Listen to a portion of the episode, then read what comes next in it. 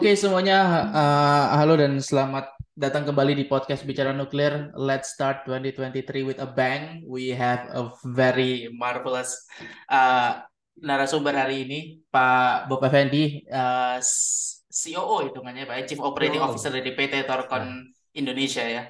Torcon uh, Power Indonesia. PT Torcon Power Indonesia, sorry. Ya, PT Torcon Power Indonesia. Uh, Terima kasih sekali Pak Bob. Ini udah obrolan uh, kita kedua lah ya. Uh, kalau ya. di di di podcast bicara nuklir ini sebelumnya kita ada obrolan-obrolan lain dan uh, aku selalu aku selalu menarik sih ketika ketika ngobrol sama Pak Bob itu ya karena simply karena uh, akhirnya aku punya perspektif luar gitu kan. Karena ya. orang-orang yang aku tahu yang yang berkaitan dengan nuklir itu ya orang-orang quote unquote orang-orang nuklir itu, orang yang belajar nuklir as their part of education gitu kan. Sementara Pak ya, Bob sendiri kan uh, uh, sempat di uh, di podcast diceritain bahwa backgroundnya Bapak kan computer science kan, Betul. terus habis itu ke ke industri migas, industri hijau, ya. terus kemudian ke nuklir. Pak. Mungkin bisa minta tolong di refresh dikit nggak sih Pak kira-kira apa sih sebenarnya jadi jadi motivasinya Bapak gitu untuk uh, terjun yang awalnya dari computer science terus ke migas terus green energy terus kemudian akhirnya settle ke nuklir gitu. Oke, okay, yang motivasi pertama adalah pertama um, ketika saya pensiun dari oil and gas itu it's around 2012 right so uh, mm -hmm. saya udah my last position was a managing director so I was quite well off ya yeah.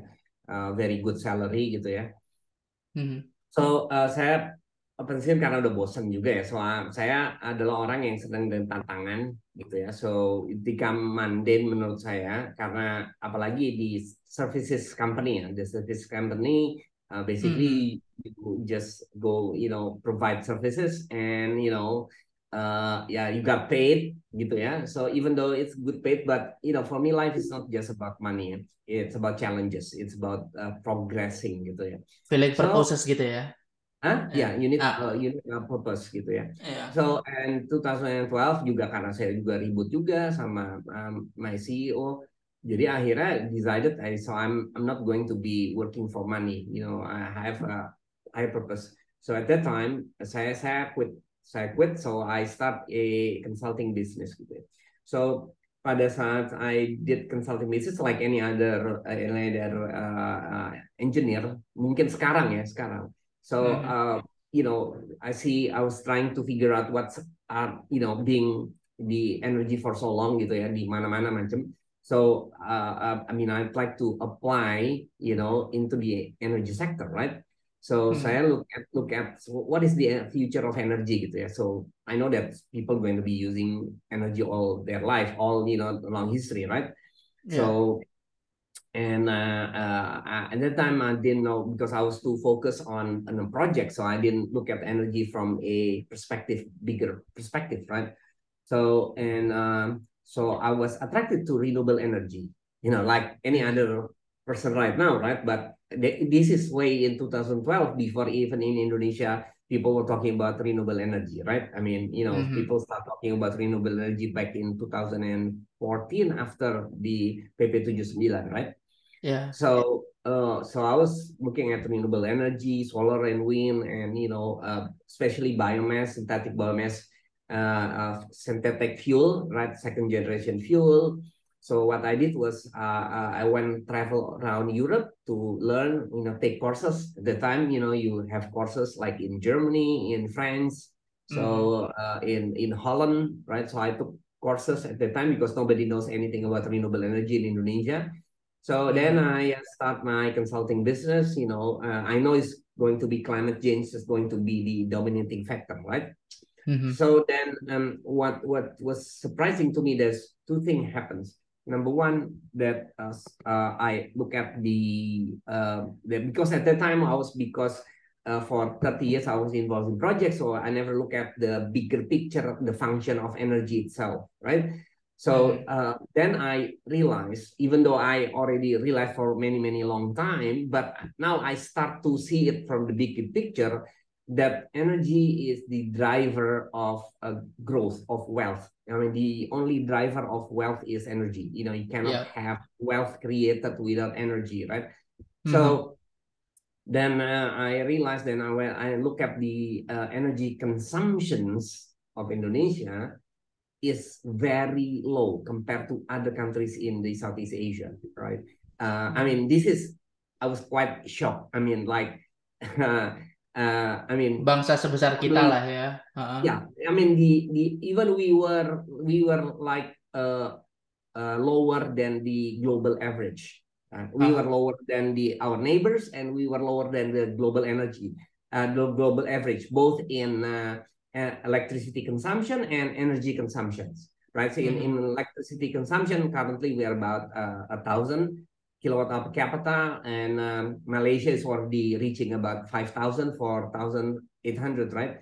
And Thailand mm-hmm. is like uh, 2,500, and the global average is about 3,000, right? Mm-hmm. About 3,000, and uh, yeah. China is already 4,000. So everybody all above Indonesia. And if you look at, uh, so well, Malaysia is practically like, like four times higher than Indonesia in consumption. In energy consumption, we have global average is about uh, 20 megawatt uh, hour, right? The global average. And we, we so so energy meaning that you have electricity, you have transport BBM, you have fuel, and you have heating. So, and you have uh, transportation for the, the whole the whole energy, right?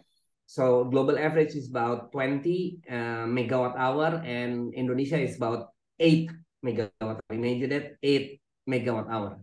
20 mm -hmm. to 8. That is crazy, crazy.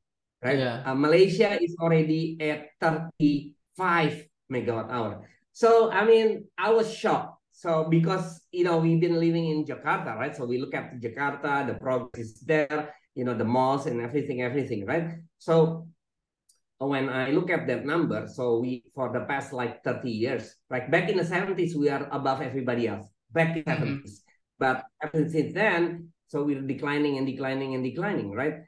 And I was shocked and I said, you know, this is kind of ridiculous. I mean, you know, it takes us, it, you know, the the the prosperity level uh, according to UNDP if you measure uh, is 0.8 right the prosperity we are now at 0.7 so if you uh, look at the human development index at 0.8 that's equal to around 4000 kilowatt per capita right so we are 1000 so in order to reach the prosperity level the average prosperity level the minimum prosperity level you know, if we are growing at 30, so we are not, we are only growing at 30 kilowatt hour per capita per year. Per year. So, you know, we need additional 3,000. Right? That translates into about uh, 100 years, right? This is just yeah. crazy. So it, it will, it will takes us about 100 years just to reach a level per So I mean, just 4,000, Malaysia is already 5,000. So, I mean, it's uh, like crazy. I said to myself, hey, man, you, we need to speed up. So, so we need to accelerate. And, uh, and then when I look at how much capacity that we're building, capacity, uh, that's translate to, so we are growing at 30 kilowatt per capita per year, right? And uh, we are currently at 1,000. And I calculate, so for the past uh, uh, for the past 30 years, we have been uh, building capacity, uh, installed capacity on half to five uh, gigawatt per year, right? For half maximum five gigawatts per year. So that's why the 35,000 uh, megawatts or 35 gigawatts that was uh, announced by President Jokowi back in 2015 never get reached, right? Why? Because maximum we can go is about 20 to 25 uh, gigawatts, right? So I said we're, we're too slow. Meaning if you calculate that we need to go up, you know, we'll need to speed up about three to four times, meaning that we we, we need to build capacity, our capacity, installed capacity from five gigawatts to 15 gigawatts per year. 15, yeah. imagine that. So about five years, we're looking at 75 gigawatts, not 35, not 35 gigawatts, 75. So I thought to myself, how how in the hell we we could reach that if we can only? So i said that number one we need we need of course then we we build our capacity based on coal right? So back there in 2013 so i already realized this is not sustainable with with the coal thing right? So i we need to have a clean and stable. Back in 2013 and 14 even before the pp 79 come out uh, i already said this has to go through nuclear right you know you mm -hmm. you mm-hmm. build up uh, large enough because you need a clean uh, clean and massive scale of uh, power plant, right? And yeah. the only thing that could close to the demand, right? Close to, and the only way to achieve this is nuclear. And then the second thing happened. That was the my realization in 2013. That was my realization. I mean, I did not know anybody in nuclear at the time, right? So that was my realization in in in uh, in about that. Hey, we need to speed up, right? So relation is that the connection between energy and prosperity and economics. That's the first realizations, right? And the second realization is that uh, we are growing too slow, right? We are uh -huh. going too flat compared to the global average, compared to the our neighbors, right? That's the 2nd uh -huh. realization. The third realization is when they released PP 9 in 2014, right? Suddenly they put nuclear as the last options. I mean, this is just crazy. I said to myself, I mean, you know, being a, I mean, uh, in my about the last uh, 10, 15 years of my career, I've been a strategic planner, you know, anal analyst, right? You know, analyzing energy. So when you you are a planner, you don't put uh, resources on on an options, right? You don't, you just don't do that, right? Yeah. It's just, uh, it's not the best practice. You don't mm -hmm. put resources on options, right? So you put yeah. everything what they call putting everything on the table, right? Yeah. Everything on the table. So I said, uh, this is a, something something going on here. So that's what wakes me up.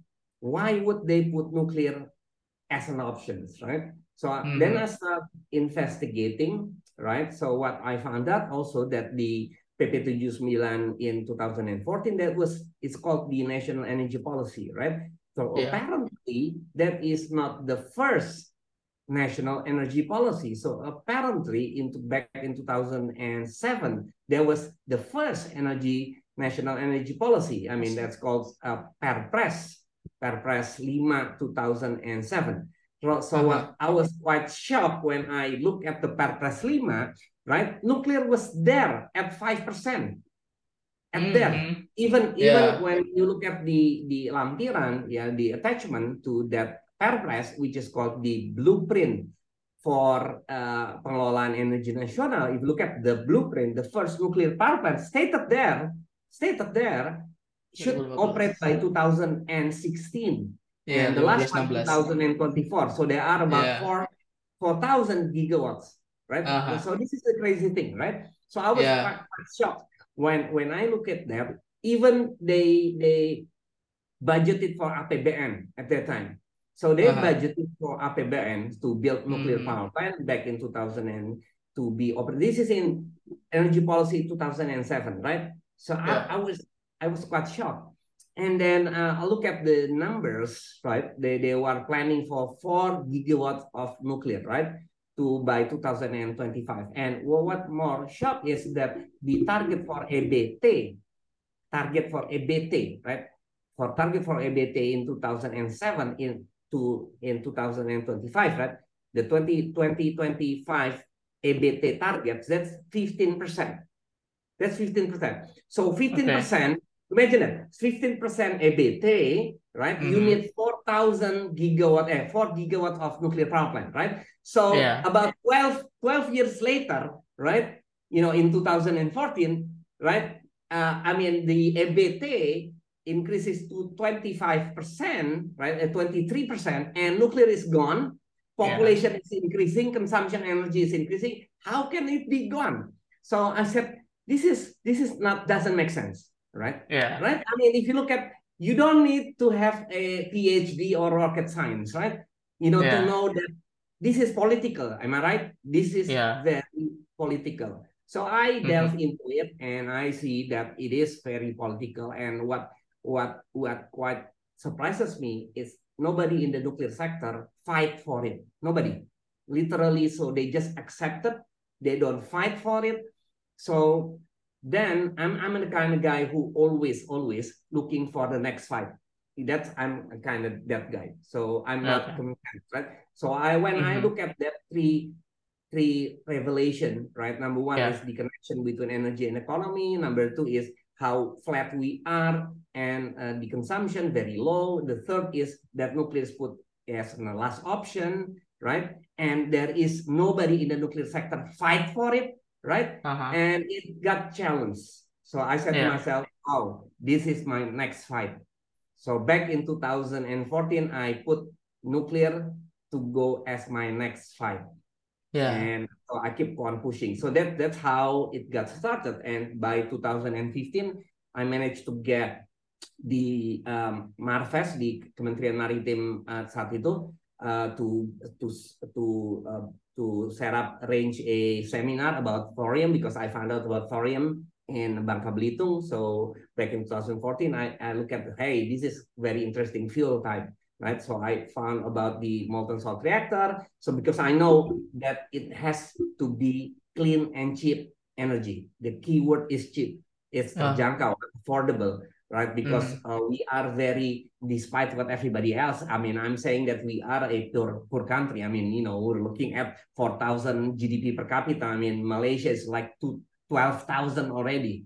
I mean, mm. basically, Indonesia is an UMR country, right? If you divide like $4,000, I mean, that's like 50, 50 million, right? So you divide that, that's practically the UMR uh, uh, salary Indonesia, right? Mm-hmm. So we are an yeah. Country. So we, you know, not, nothing to be proud of, nothing to be yeah. proud of, right? Mm-hmm. So because we are UMR country, that means you know the, the energy need to be cheap, and uh, and I know it need to be has to be with nuclear. So what I found, try to find out how how you make nuclear cheap because I learned from uh, the nuclear history, nuclear you know used to be called too cheap to meter, right? So why is yeah. it too expensive now? Right? So I find mm. out that they, there is other type of nucleus called molten salt reactor, right? And you, mm. by mm-hmm. using thorium, etc., etc., I found out about the molten salt reactor experiment and etc., uh, etc. So, and we have a lot of stuff. So this is the type reactor. It was in 2014. I put that that uh, narrative to Marves. It happened to be Pak Ridwan saat itu Ridwan Djamaluddin just got uh, uh, promoted from BPPT to be one of the deputy in uh, maritime. So I talked to him, and he agreed. Yeah, yeah, this is interesting, Bob. So so he, he agreed to set up a seminar. That was so there was the first uh, thorium seminar back in September 2015. So that was the first one.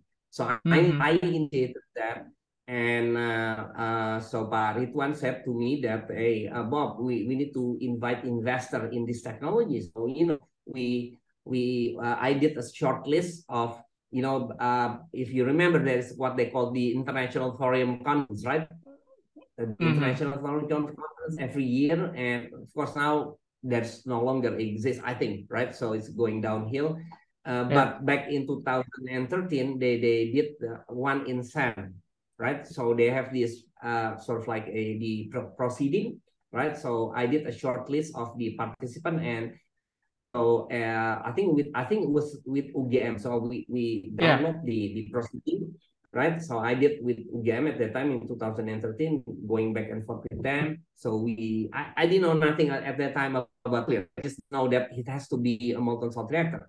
So I know that Pak Andang right? I learned about Pak Andang was, you know, doing molten salt reactor at time, so I consulted with him and Pak Yudi also was, you know, sporting Yudi Marjoko, right? So uh, we did we showcased uh, all the participants in that uh, Thorium International Conference in CERN, and we come up with three three names. So uh, terrestrial energy, Flibe Energy, and Thorcon power. So we actually invite all three of them all three of them, mm-hmm. right? Back September, but only Thorcon Power come. So only Thorcon. The, the other, I mean, maybe they they don't see Indonesia as a potential country, right? Which is kind of stupid, I think, right? So um, so only Thorcon came, and uh, during the seminar, I was the moderator. So uh, and uh, uh, I give Thorcon the last presentation that was in the afternoon after Batan, after PLN, after Pertamina, everybody present you know, uh, on so the the seminar was the topic was uh, I think I forgot uh, thorium as the future uh, energy for industrialization or something like that. So with the mm -hmm. Ministry of uh, Industry also. So um, then, uh, they they present and they said, yeah, we can uh, we can do electricity at three cents, right? And uh, takes about six years, and we will invest. So suddenly was surprised. Hey, this is very cheap, and right away PLN jumps. Hey, would you be uh, willing to sell at around six cents? Yeah, yeah, yeah, we'll be willing. So that's how it got started. And mm-hmm. I get them together to sign an MOU. This MOU was signed in Washington D.C. And uh, but unfortunately at that time the minister of energy you know was was going to go nuclear back in uh, early 2015 uh, by producing what they call the uh, buku putih PLTN 5 gigawatts 5000 megawatts right but never yeah. get signed by the president right for you know that's a different topics but you know they get signed and didn't push and even uh, at the end of 2015 uh, Minister of Energy said, "Hey, nuclear is last option, so not let's not talk about nuclear. Maybe after 2050." I mean, this is just mm-hmm. crazy, right? So, yeah. uh, um, of course, after that press release by ESDM at the end of 2015, so the MOU supposed to be, you know, by all the BUMN, um, you know, everybody got cold feet, you know, they lost interest. So originally, I was planning to be in the front Right? I mean, I was like, I was I was at that time back in 2015 when when uh, Dave Devanney, right, the CEO of Thorcon, asked me, "Hey Bob, we don't have anybody here. Can, could you help us? You know, so like being our reps to to uh, representative to sort of like set up everybody else." I said, "Yeah, sure," because I was that making good money as as a consultant. I mean, I was yeah. you know pulling like 10 grand. I mean, I was pulling like 10 grand just being a consultant you know, uh-huh. doing nothing, just consulting, you know, talking and talking, right? I mean, yeah. that's easy money. Right? Yeah, uh-huh. you don't have any decision making 10 grants. So I said, yeah, sure. I said, why? Because, you know, I, I thought that I was like a cheerleader type of person, you know, just hey, cheering and supporting because I said, hey, there is PLN, there's Pertamina, there is Inuki, and there's PT Timah, right? So yeah. those are big names, BUMN. So I was thinking that hey, it'll be all set. They will handle the government. You know, I'll be just a cheerleader type of a person, right? Yay, yay, yay, right? You know, I, I thought that thing, hooray, you know. But yeah. unfortunately, you know, the uh, the after the Minister of Energy have that patch release in that was Sudirman Said. So everybody drops. Everybody drops. PLN drops, Pertamina, so everybody just drop. So it left me in the front and because i'm a kind of guy that fights you know and then i'm very committed so uh, you know i keep on you know fighting because you know i said to myself hey i'm already at the time i don't know 40 now i'm 60 right? At that time what like i was like i don't know like 50 early 50s right?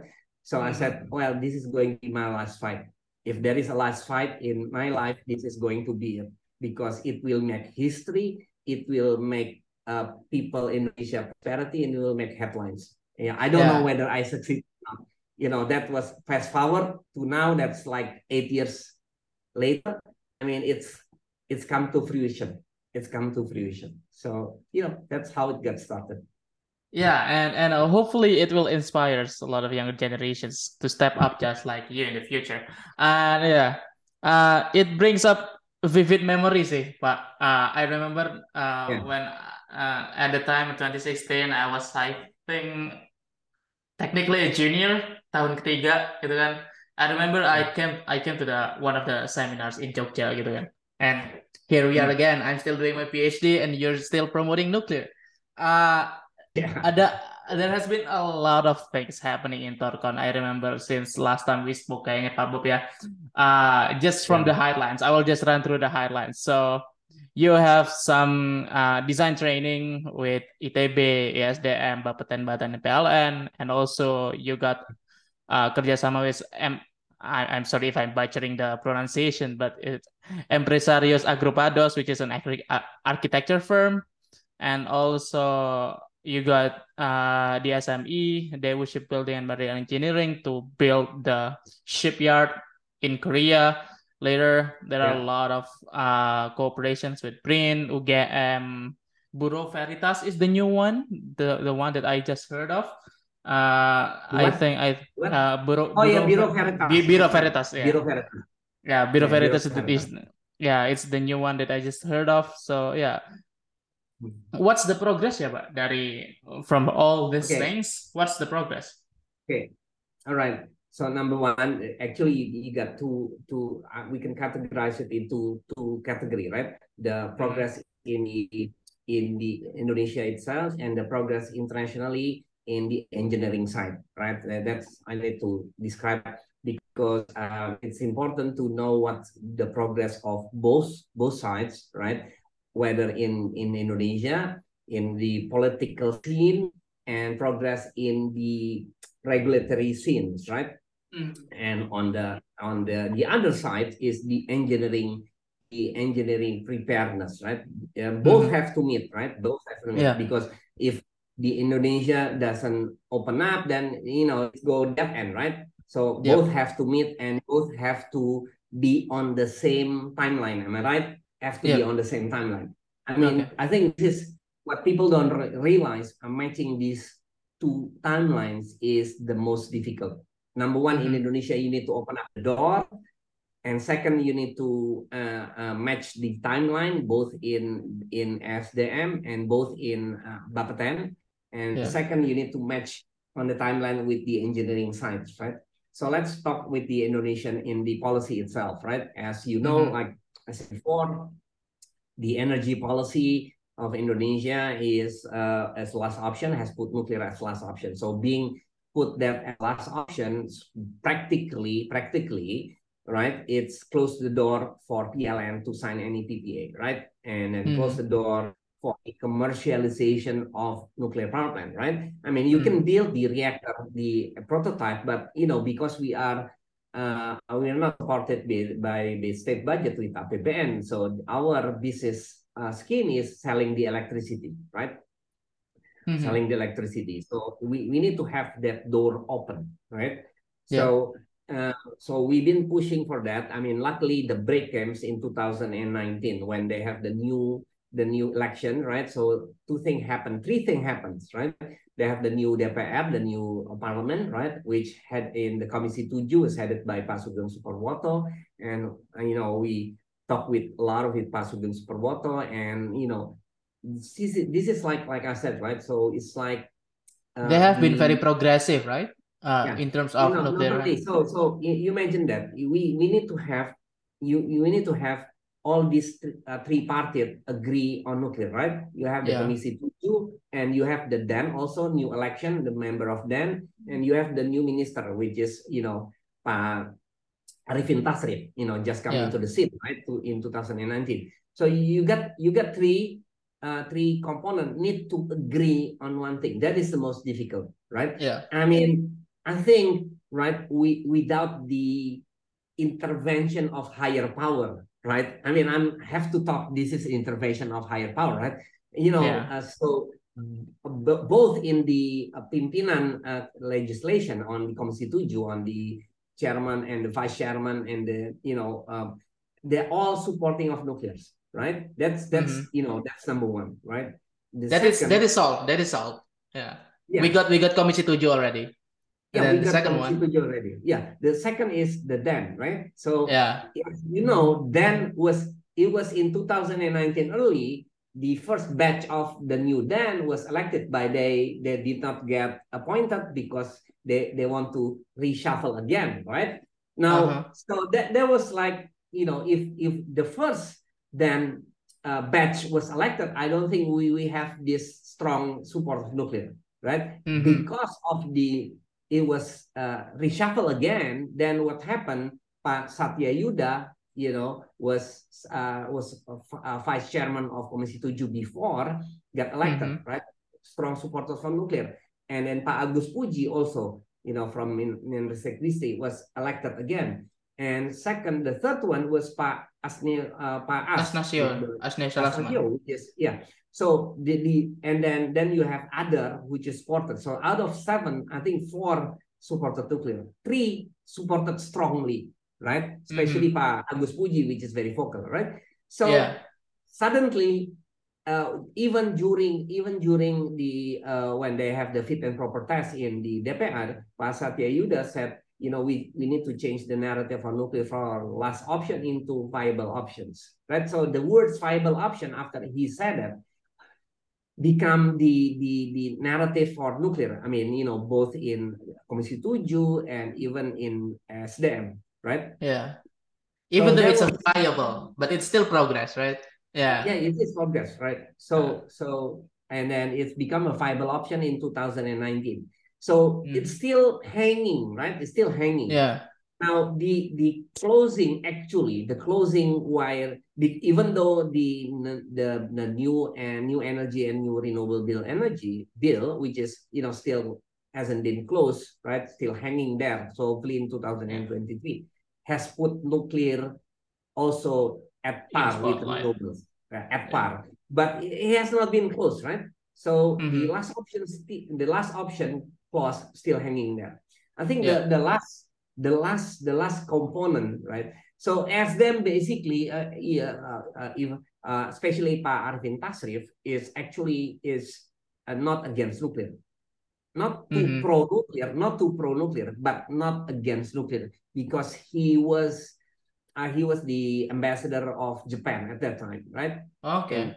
Yeah, he was the ambassador of Japan and during the uh, ambassador of Japan, several people, you know, from Dan and from Kane, and no, from Kane was that uh, Pak Puji met Arifin Tasrif, and he showed his uh, uh, support for nuclear. You know, mm -hmm. he's mm-hmm. not a opponent of nuclear, but uh, he's not truly strong, but he believes that nuclear should be part, right? So mm -hmm. what actually I think moved everything together is the energy crisis mm-hmm. the energy crisis back in 2021, right? So when yeah. it happened, when it happened, right, it just blow everybody, you know, the narrative that renewables is the key to energy transition just blow everybody minds, right? Because suddenly yeah. they they they realize that uh, energy security is the key component. Actually, energy security. I mean, look at what Germany is now. I mean, Germany is considered practically climate change champion, right?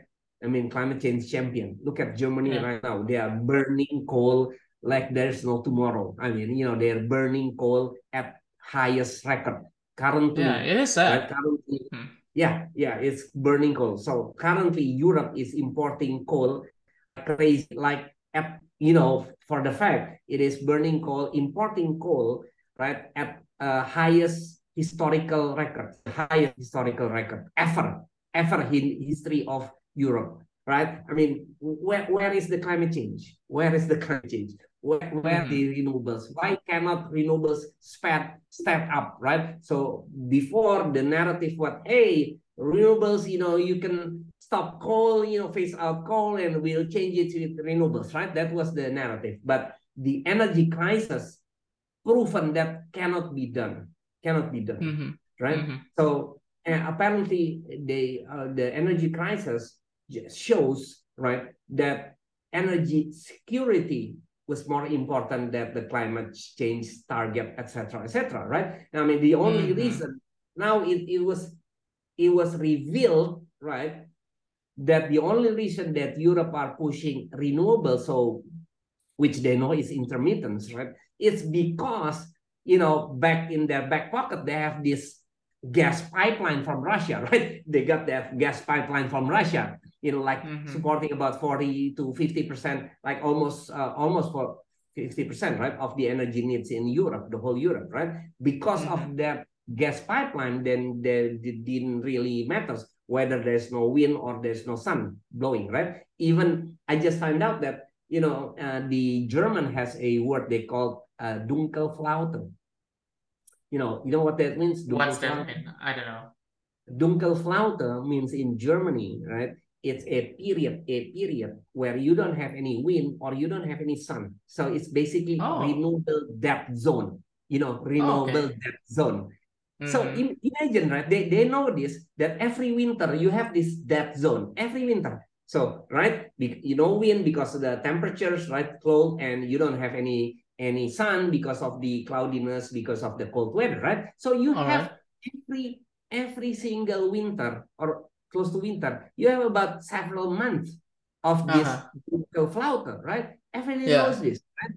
And uh, back in 2021, usually it's about several weeks or a month or two, right? Back in 2020, what's worse is like the the uh, what they call the perfect storm. So every single or the you know Murphy's law, you know every single mm-hmm. things that could get go wrong happen. Go wrong. Right? Yeah. So like the perfect storm, right? So uh-huh.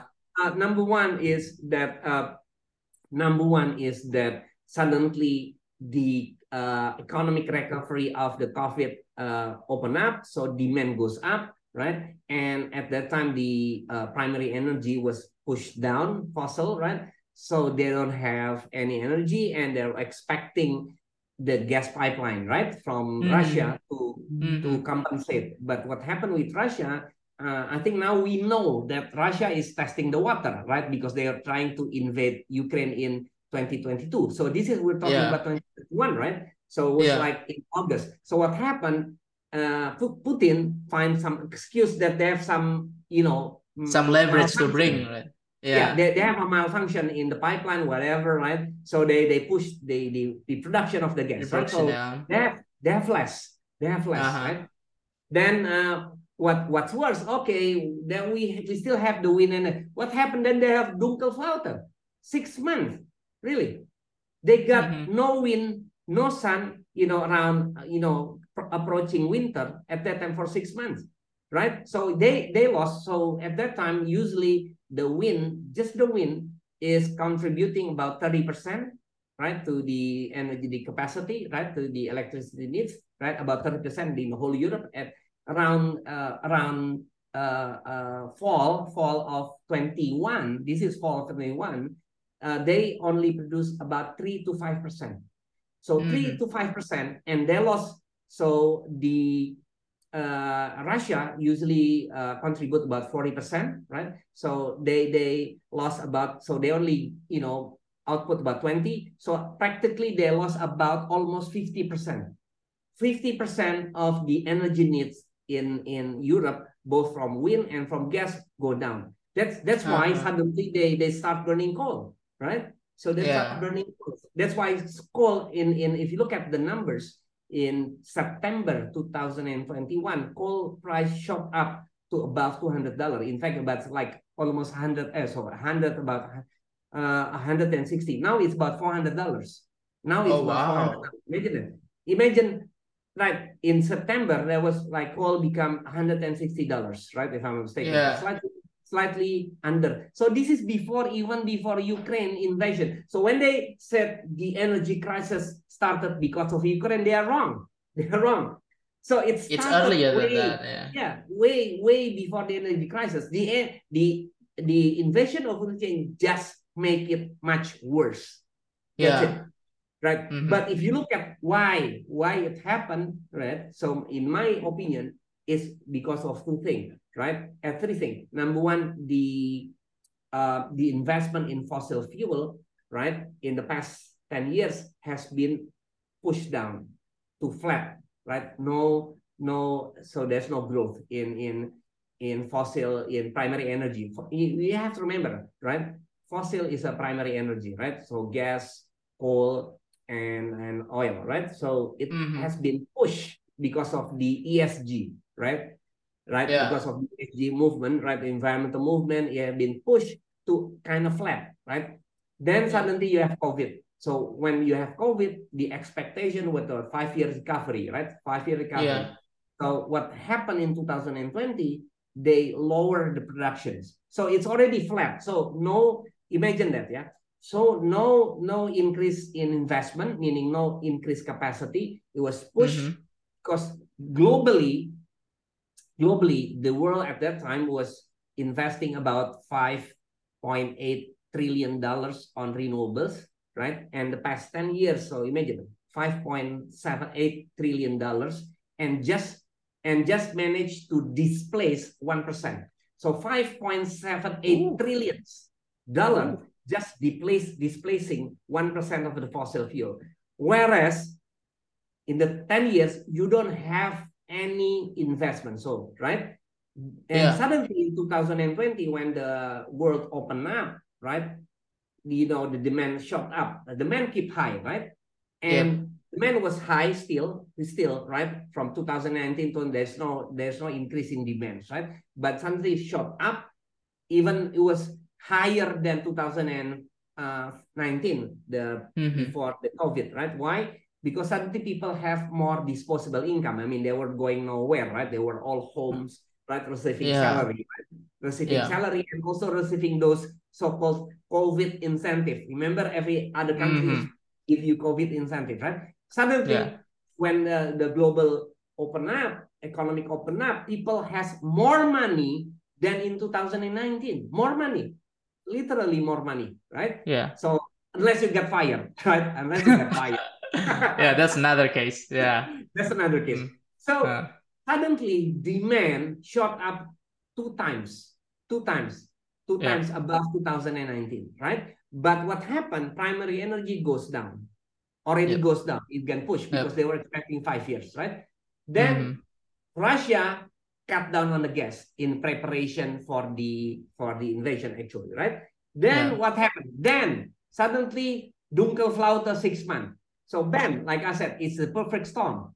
It's yeah. the right recipe, the right recipe for energy crisis, right? Yeah. So the worst, I think the worst energy crisis in the world, in history of the world, history of the world, right? So because why? Because this energy crisis, not only it become an energy crisis, it become a food crisis, and it Definitely. become the economic crisis. Three crises Definitely. at the same time.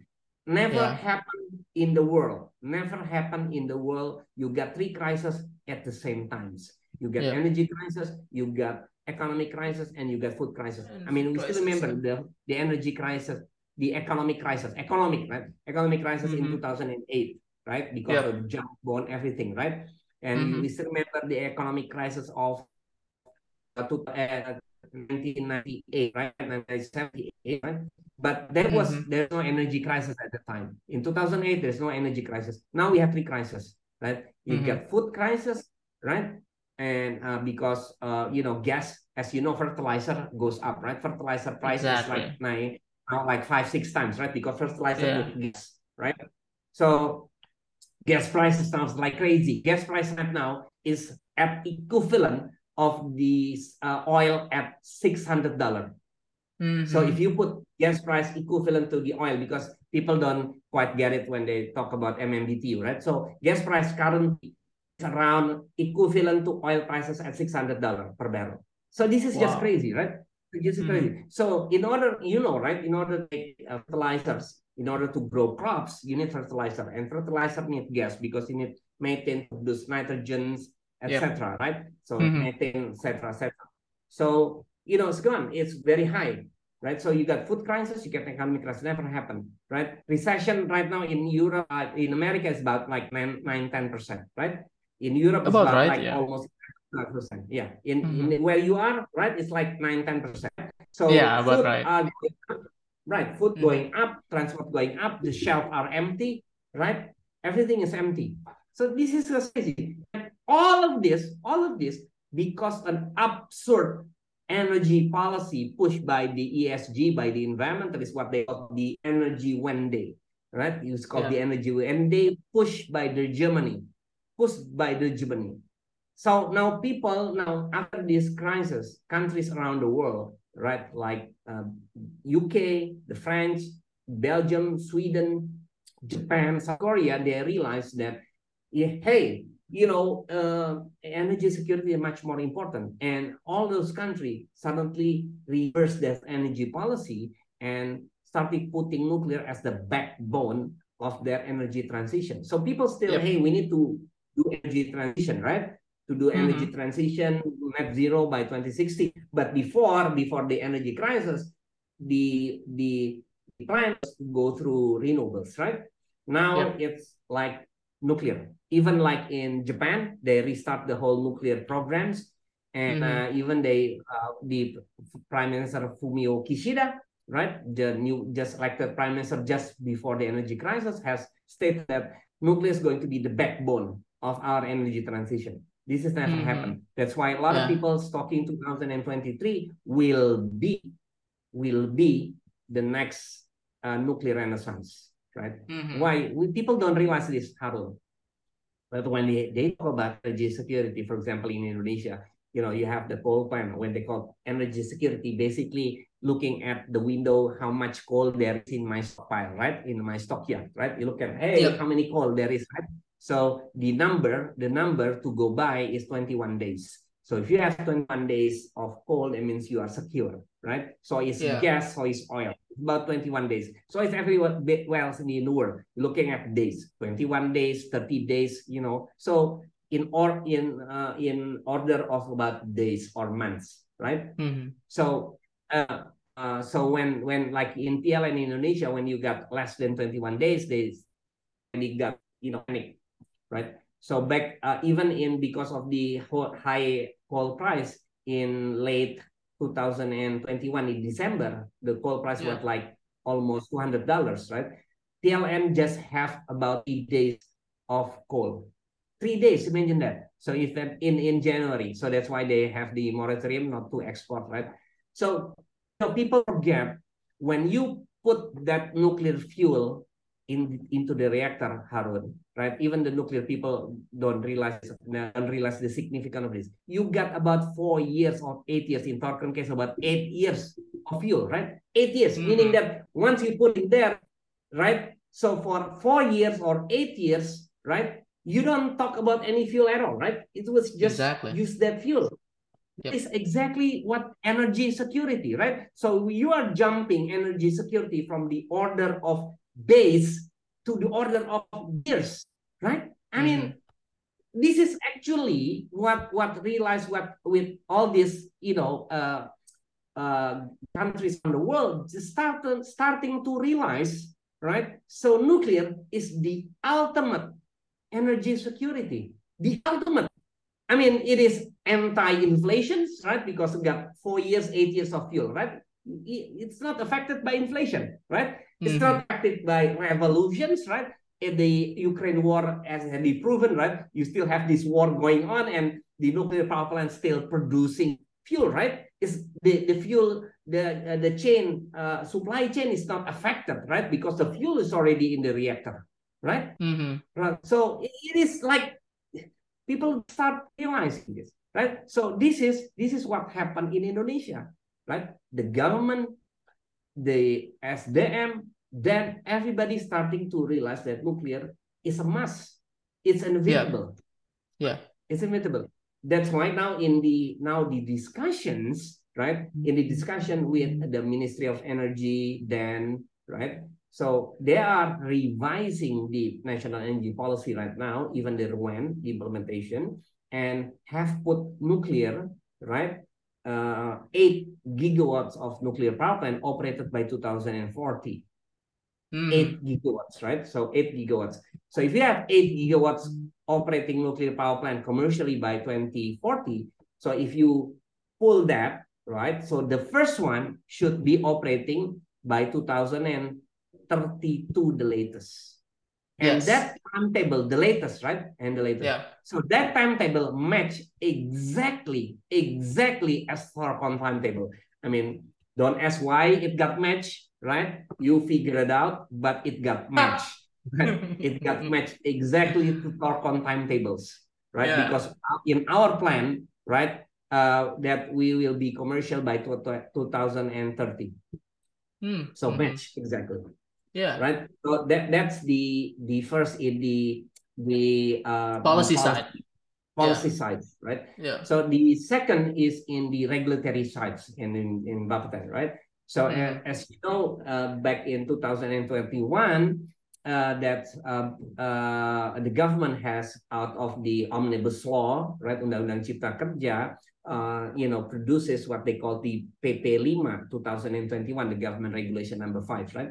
So uh, in the government regulation number five, that's uh, uh, they call the the permit for uh, risk-based business, right? So they, okay. they put yeah, so it's a risk-based business, right?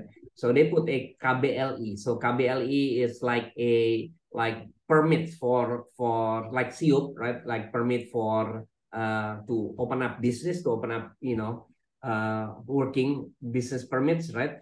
So they put uh, before in the last KBLI, was published in 2000 and I think it was 18, right? The last one 2018 nuclear operating nuclear power plant or nuclear power plant business was not listed. But suddenly they put nuclear power plant business in this KBL in the new KBLI. So sorry, sorry, is it is it is it the power plant or the mining? No, the power plant. Okay. Yeah, plant. It's just now the mining. So the mining thing is actually is not really significant, right? It's basically mm. Bapeten is a Bapeten regulation, basically, right? Yeah. So not about the mining, it's about the nuclear power plant right? Okay. And uh, people get confused in the media. They said, "Hey, this that that's a different story and has nothing to do actually for nuclear power plants. It's just that a lot of people do not understand the regulations, right? There was just mm-hmm. purely uh, the regulation on mining safety because before it was under Batan, right? Was under okay. Batan, and now the private sector go can go into uh, uh, radioactive mining, right? All so right. that means Bapeten need to produce a uh, a new regulation on safety on the mining, which is actually uh, it has been done already. It's already done, right? But yeah. it's under Batan, right? So yeah. now they put under a private sector also. So it's not mm-hmm. new and has nothing to do with with nuclear power plant. It's just that the media, because they want to support nuclear, this is what happened, right? They want to support nuclear, so they spin it off as if the narrative right? That this is a preparation for nuclear power plant. It's not, right? Yeah. It has nothing to do. It is not. But the media spin it off, right? Why mm-hmm. the media spin? I don't know. But you know, it's just. I think because it's it's a, it's clickbait. I mean, if you yeah, talk about yeah, nuclear, everything is clickbait. Yeah. Yeah, it's clickbait, or they are in support of nuclear. So they they they yeah. said they said in the media, "Hey, Jokowi is preparing for nuclear power plant. Here's the you know the government regulation. Here's the all, sign. One of them is like building, uh, having a regulation on mining of uh, exactly. radioactive uh, yes, yes, materials. But it has nothing to do. It has nothing to do with, with nuclear, actually, nuclear power plant. But what mm. has something to do with nuclear power plant is the government regulation number 5, 2021, which the mm -hmm. government has already put a KBLI, right? So basically it's a uh, KBLI is like you know a permit to have some business right so they a company permit for a company to work in indonesia yes for for uh, foreign investment for foreign investment mm -hmm. so oh. for local company they call SIUP right surat yep. izin usaha right so it's basically it's like SIUP so like you know permit to to open up a business right so mm -hmm. in 2000 the last KBLI was 2018 there was no nuclear business now in 2021 there was a nuclear business so if you look at the uh, KBLI, so the government specify about commercial nuclear power plant, even you know all the steps need to be taken, you know, and and what's wonderful about this is finally the government put a time constraint and budget constraint. So they put how oh, long the maximum, right? So so we don't have any NRC type of regulation. The government yeah. put I kind of forgot. I think if they put the maximum to license a nuclear power plant is about eight years maximum, maximum. So meaning the whole thing, the whole the thing. whole thing. Okay. Yes, the whole thing, starting you know from the uh, persetujuan izin from the uh, design approval until the commissioning is about eight year maximum. So hmm. you know you so the the the the the uh, the the the premise is if you by the eighth year or what because they break down right. So if you reach the limits for example design approval, you know maximum is about one year design approval. So if if by uh, 12 months after you submitted, Bapeten has not released the design approval, it is automatically approved. So this is great. Oh wow. Oh wow. Yeah, this okay. is great. Yeah. Right? So it is yeah. right. It is automatically approved, right? So this is great. I mean, this is a certainty for investors, right? Mm-hmm. Because you, you know, nuclear regulatory body in the world that does not work like that, right? So they just yeah. work. They work just a we take as long as we want, right? And as long not only as long as we want, we we we you I don't give you quotation, right? We don't give you quotation how much it's going to cost, right? Yeah. So in this government regulation number five, not only they specify the tariff, the charge that Bapeten can only charge, but also the maximum time, mm -hmm. not the minimum, not the minimum, the maximum, yeah, maximum time. I, I mean, people don't realize this, Harun. I mean, this is a breakthrough, you know, even in in the globally because I, I don't think any other regulatory body do that in the world right? Mm-hmm. I, I don't know. Uh, certainly not NRC. Certainly. Definitely, Maybe, definitely not NRC. Yeah. Definitely I know. NRC. Yeah. Right. At least I know from from some of the conversations here in the US that uh, the NRC just just took it as slow as possible somehow. Exactly. Yes. so I mean, imagine that back in 2000 and I think 12 or something. So Thorcon uh, was you know trying to submit talk to NRC, right? They said, okay, we trying to do this new design, right? And they said to me, right? Uh, and then so they they asked, uh, do you have an estimate how much it's gonna cost to license this, right? And how long, right? They they said the NRC guy, right? If you look, if you Google, the evidence still there. So back in 2012, they submitted this. So if you can Google NRC in their database, they still have some representation there in 2012. So they, they mm-hmm. the guy, NRC guy said, you just prepare $50 million, $50 million, imagine that. Just yeah. prepare $50 million, right? Have it in your bank account and uh, it'll take us a minimum, it'll take us minimum, minimum of 10 years, right? That's minimum. And we'll take whatever time we, we want whatever time. I mean, that's 50 million. That's not the maximum. I mean, that's the minimum they they would not start anything unless you get like 50 million dollars this is just crazy right mm-hmm. so who who who who has the right mind want to do that even like bill gates go to china right now the only reason i bill gates terra, TerraPower come back to the us to do their um, their reactors is because supported by DOE the funding exactly? Yeah. Because it's done by through DOE money. When before the funding through DOE, like Bill Gates even uh, going to license it in China, right? Because of that. Because there's no certainty in the regulatory body, both in time or in budget, right? Mm-hmm. Whereas in Bapeten, you know, you get time constraint and budget constraint, which is wonderful. And the second, the third thing, actually, this is the wonderful thing. The, uh, the third things, right, which is this this uh, regulation are quite breakthrough is is that they, they they they don't differentiate between prototypes and commercial reactors right they don't differentiate right so meaning the translation is that a, uh, a commercial entity a company uh, either company or uh, uh, universities right mm -hmm. can build a prototypes right and then commercialize it right? Which which cannot be done in the previous regulation, cannot be done. As you know, in the government regulation number 2, 2014, the prototype can only be done through Batan, right? Which yep. is now BRIN, right? Mm -hmm. So now, meaning that, of course, you know, this from prototype to commercial is actually is not, it's not new. I mean, like in the US is like that, right? I mean, you can yeah. build prototype and you can commercialize it, right? But yeah, in definitely. Indonesia, right? Definitely, right? Any any other thing, you know, in the world, it's like that, right? So, but in Indonesia, as you know, this is brand new, right? So with with these three, with these three uh, uh, new uh, regulations, uh, basically, Bapetens open up and open up the door for us, open up okay. the door for us.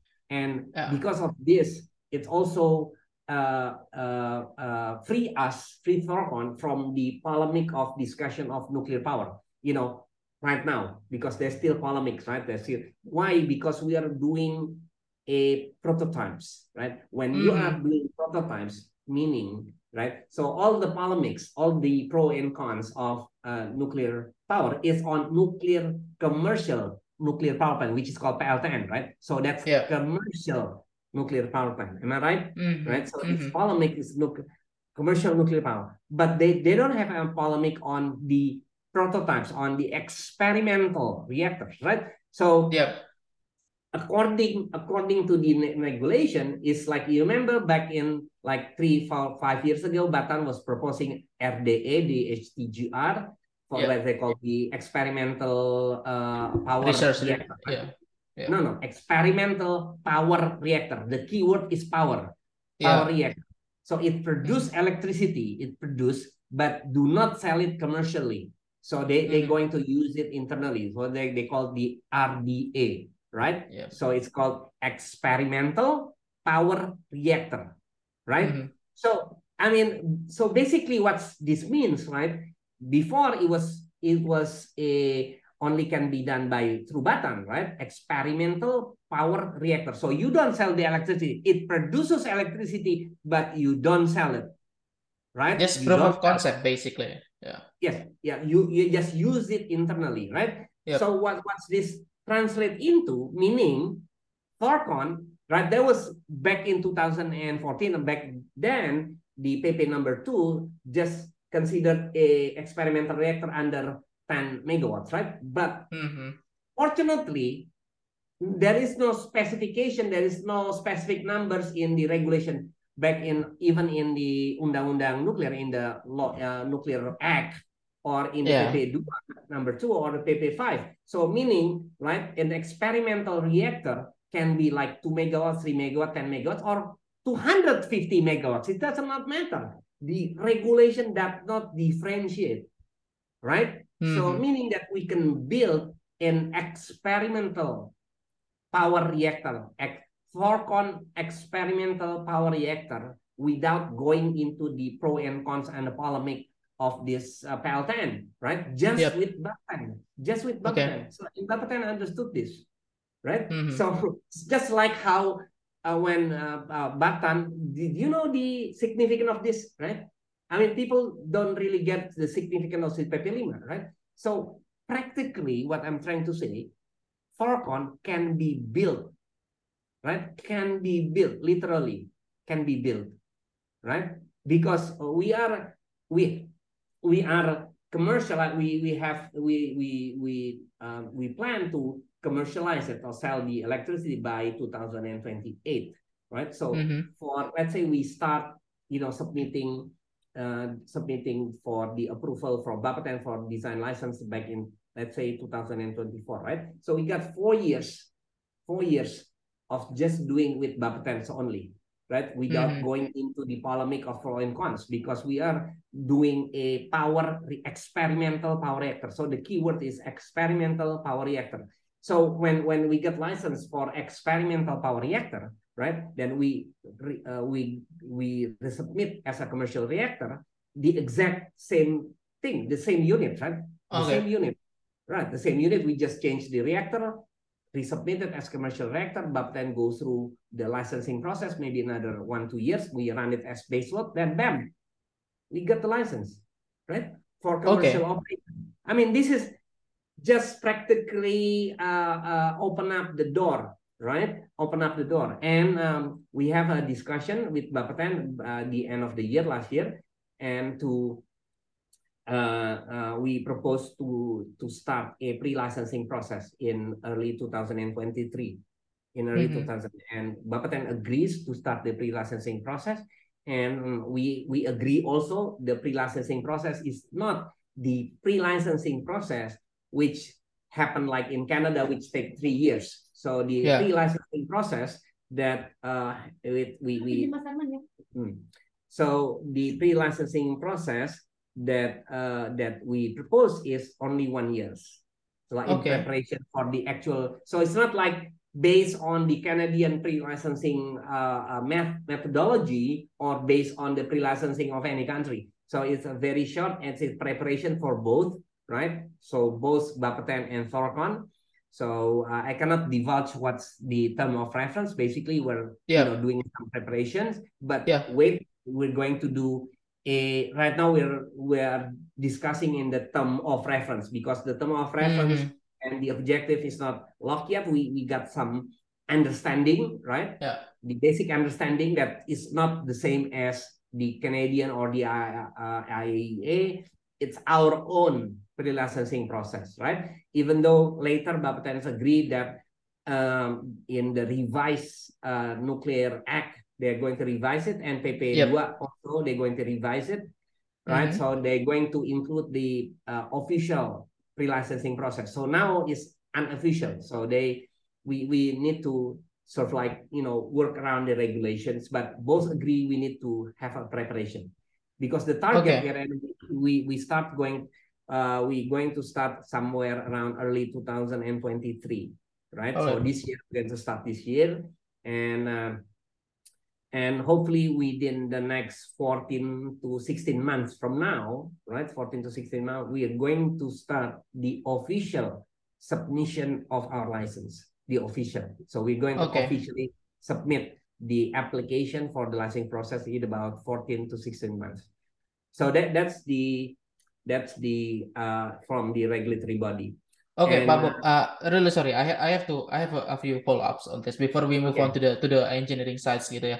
Uh, so first up, uh, how confident it is for Thorcon to like having dealing with with with uh, our Bapeten, which has yeah, yeah we, we have to be frank, they have no experience to license a commercial mm. nuclear power plant. Yeah. And what you said earlier is we are trying to have it as an experiment first. We have a license for experiment first, then we can scale it up into a commercial reactors. But both of them are basically a power reactor, which Bapeten has never been licensed before. So yeah. how confident you are with them? That's the first one.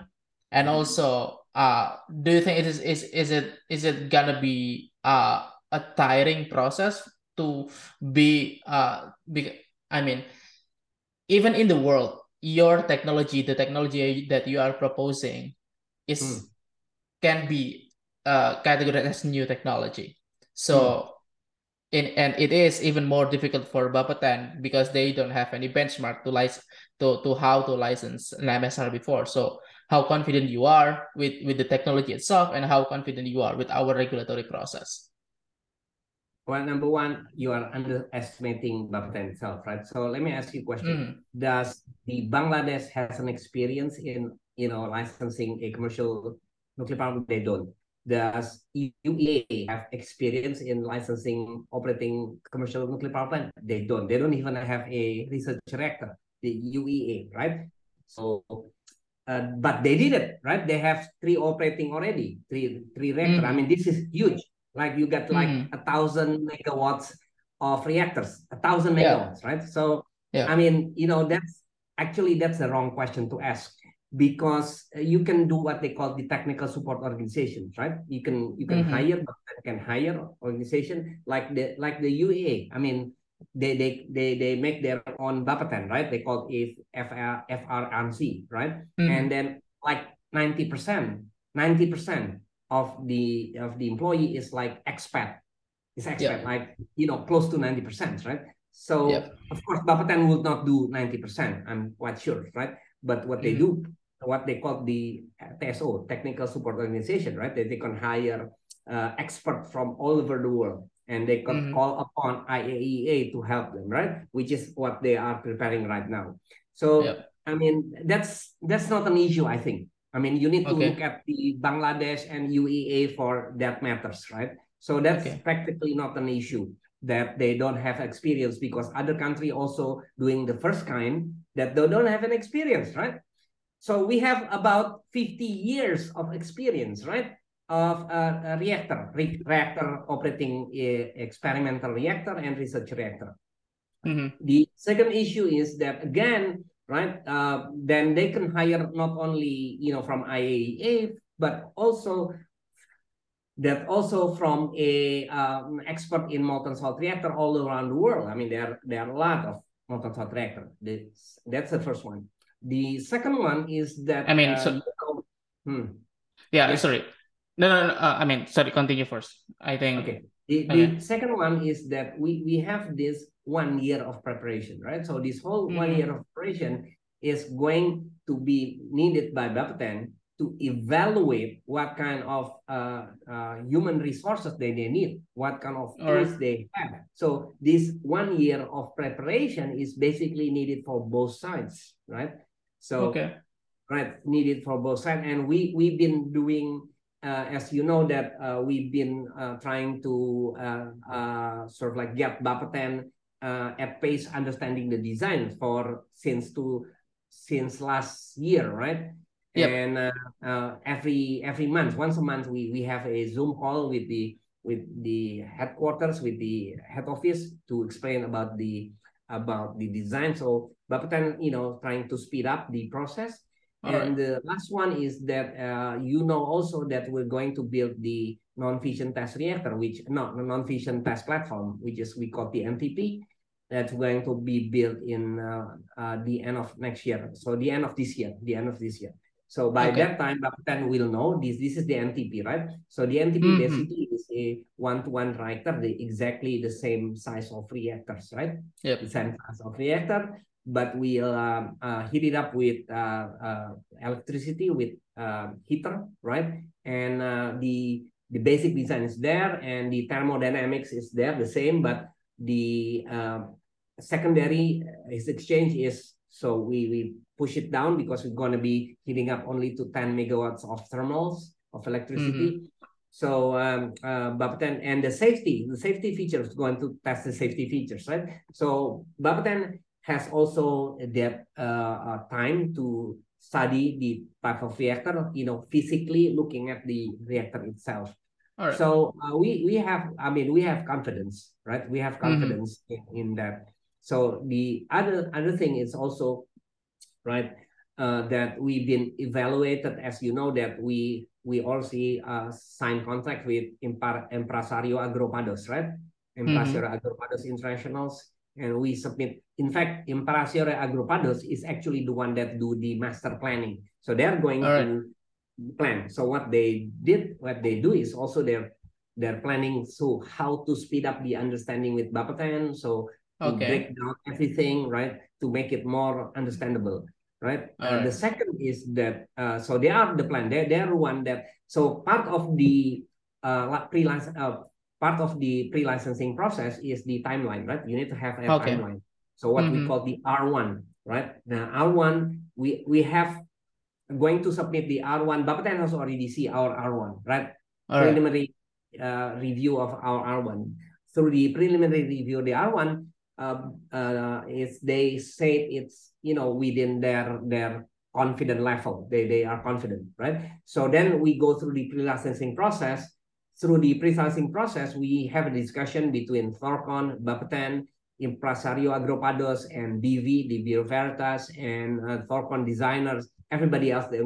So what they're going to do is part of it, right, is revising the R1 into R2, right? So to meet to meet up with Bapeten uh, uh, schedules, right? Mm-hmm. So then we have an R2, which is the sort of like the implemented timeline. So the R1 is the uh, roadmap of the timeline according to the engineering preparedness, right? All right. So then the R2 become the engineering plus plus the licensing preparedness. So not the licensing process, but the licensing preparedness, right? So Bapeten going to put their own preparedness there, right? Including the timeline well, right? So then you become the R2. So what, what you're asking, actually what's happening is going to be happening in 2023. Bapeten is going to be speeding up because according to the regulation, when you when you have when somebody submit right? When you somebody submit a permit, this is not just Bapeten for any other regulatory body, right? Right? Who that regulatory body, right, need to be ready what at whatever cost. Mm -hmm. Otherwise, otherwise, if we submit, right, for example, if we submit to Bapeten, right, for example, for example, right, for example, uh, like tomorrow, like tomorrow, and Bapeten go through our application at, at full complete, 100% complete, and Bapeten say, oh, sorry, we are not ready. Then we can sue Bapeten. You know that? We yep. can sue them. Yeah. And then they said, oh, sorry, Thorcon, uh, we are we are not ready yet. Please submit maybe in two years, three years time. No, no, no. You can sue them. You can sue. This is according to the law. Mm -hmm. So whether or not right? Bapeten ready, they need to be ready, otherwise they get sued. All right. right? And Bapeten knows that, and that's why they are preparing. That's why they're agreeing on the pre-licensing process. So this is the wonderful thing about the omnibus law. We can sue the government, we can sue the regulatory body if they are not performing, or even they are holding it back, right? We can sue them, right? Yeah. Right. So, so what you're saying is not funded actually. We are confident. And so, uh, of course, you know, we that's why we we do the R2 the R2 is we try to meet up what Bapeten needs and what are the preparation that Bapeten need to do and including the whole licensing process to so yeah. so we, don't see any problems. So that's why mm -hmm. we have this uh, licensing process. So they they could uh, they could prepare accordingly right? The third one is um, because this is a non-pressure it's very simple. I mean you know operating a molten salt reactor as you know by theory, right, it is much simpler than a PD, PWR, LWR, of HTGR, or sodium in more simpler. I mean, this is the simplest. I think, you know, by this time, right, I should know. I mean, I consider myself an expert, not as like you, but I know all the design, right? So I think it is the simplest type of reactor to operate, the simplest. So in fact, when when I was talking uh, back in 2017, right, 2017, I was going to IAEA for the first uh, MSR technical meeting, right? The first mm-hmm. MSR technical meeting in IAEA back in 2017. Yeah, I think it was 17. And uh, the guy who heads the uh, MSR technical meeting was an HTGR guy. You know, uh, uh, I forgot the name, the big guy, I forgot the name of the guy. So he was the uh, head of the HTGR group, right? Oh, so Dr. Frederick Reitsma? Frederick Reitsma. Oh, exactly. Oh, Frederick Reitsma, yeah. Right. So he's an HTGR guy, right? He's from South mm -hmm. Africa, HTGR guy. In fact, now he's he's no longer in IAEA. He goes to private sectors, right? So yeah. I got a. Uh, he's going to USNC actually. What? he's going to USNC actually. Okay, well that's good. So yeah. when I when I asked him, right? So mm. I mm-hmm. asked him at that time in that uh, in that uh, uh, forum, uh, there was like uh, Reitsma bosses at that time, right? So I forgot his name, like the head of the nuclear energy. So I I said right, uh, I said to him right, if I think if if nuclear going to prosper, if nuclear going to be have a a, a growth, right? It will be in the developing country. It will not be in the developed country. It will be in the developing country. So the only way uh, the only way nuclear is going to prosper and to develop, right, to have growth, industrial growth, right, mm-hmm. and it has to be this is our resurrection. It has to be in the in in the uh, in the developing country like Indonesia, Africa, Asia, right? So yeah. I said to them, there's only two requirements. I said in to develop in the uh, developing countries, right? Number one, you need to be able to be cheaper than coal or competitive with coal, right? At price. Yep. Second, you need to be, you know, op, you need to have a very simple reactor. It's very simple reactor. If you have a very complicated reactor, then you know only countries that high have high GDP, you know, that you know, etc. etc. right? So those are the requirements. I said. So I, I tell, I mean, I'm telling this openly in the forum, right? Even with the, I think directors of uh, uh, nuclear energy. I said uh, the the only thing I said, right? I'm not an expert in nuclear, but I spent long enough in nuclear to understand that the only re, uh, reactor that meet these two requirement is a molten salt reactors. No other reactor is uh, low pressure. That means you know the fabrication is very cheap, right? The second is because it's low pressure. Is uh, I mean error free. It's like you know human can have no error and you know operator can do no wrong right? It's practically error free human error free so it's very simple to operate right? So mm-hmm. i mean that's the only reactor. I i told them right? You tell me anybody here in the room right? Tell me if there is other reactor that meet this requirement. Cheap and simple to operate right? That's my question. Nobody answer harun.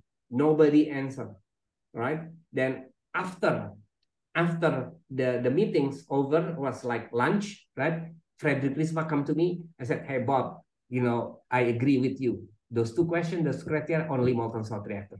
And then I said, what about HTGR? You know HTGR. Oh, Bob, HTGR is very difficult to operate, very expensive, even more expensive than PWR, very hard to operate, very complicated to operate. So you are right. The simplest to operate is molten salt reactors. That was in 2017, Harun.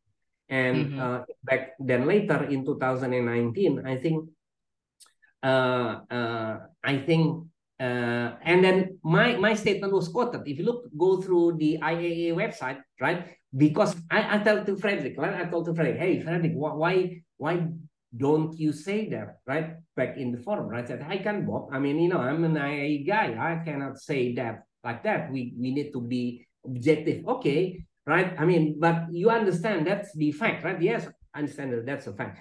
So uh, uh, what what happened was that he instead he asked the IAEA media to interview me, right? So I was mm -hmm. interviewed, right? And I said about these things, the two these criteria, simple to operate and cheap and uh, suitable for developed country, and it's still there. If you Google my name, molten salt reactor, and uh, Indonesia, it's still, I mean, I think I'm the only uh, non-Batans people to be quoted in the news in IAEA website. I think I'm the only one, right? So mm -hmm. then in 2019, right, 2019, IAEA, oh no, I think 2020, during the height of the pandemic, during the COVID, make a uh, webinar, right? So the on MSR, on the MSR, right? And guess what the title is? The title is MSR as a game changer, game changer in the nuclear industry.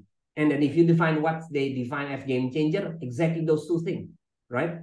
Uh, cheap, right? Safe, very safe, and simple to operate. Yep. They, they consider, and then I look through what they uh, uh, term game changer, only MSR, no other type of reactor.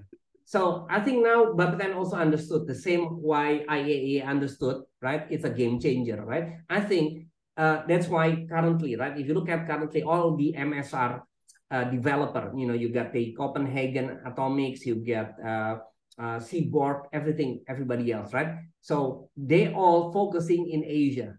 They're all focusing. I met them in in uh, the seminar, right? They're all mm -hmm. focusing in Asia, and when I ask them, they are all focusing on competitive with coal. They're all focusing on competitive with coal.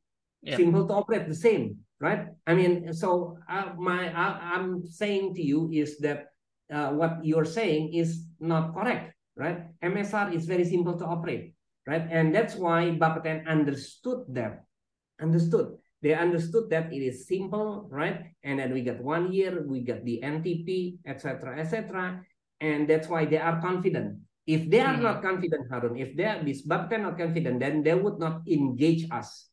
They would not yeah. engage and they would not agree to do the pre-licensing because they agree to do the pre-licensing with, with the consequences that we do this 12 months and the uh, the 14 months or 16 months, we're going to start the licensing process. So they go by okay. that stage, right? All right. So uh, we are confident to answer your question. Mm -hmm. Okay.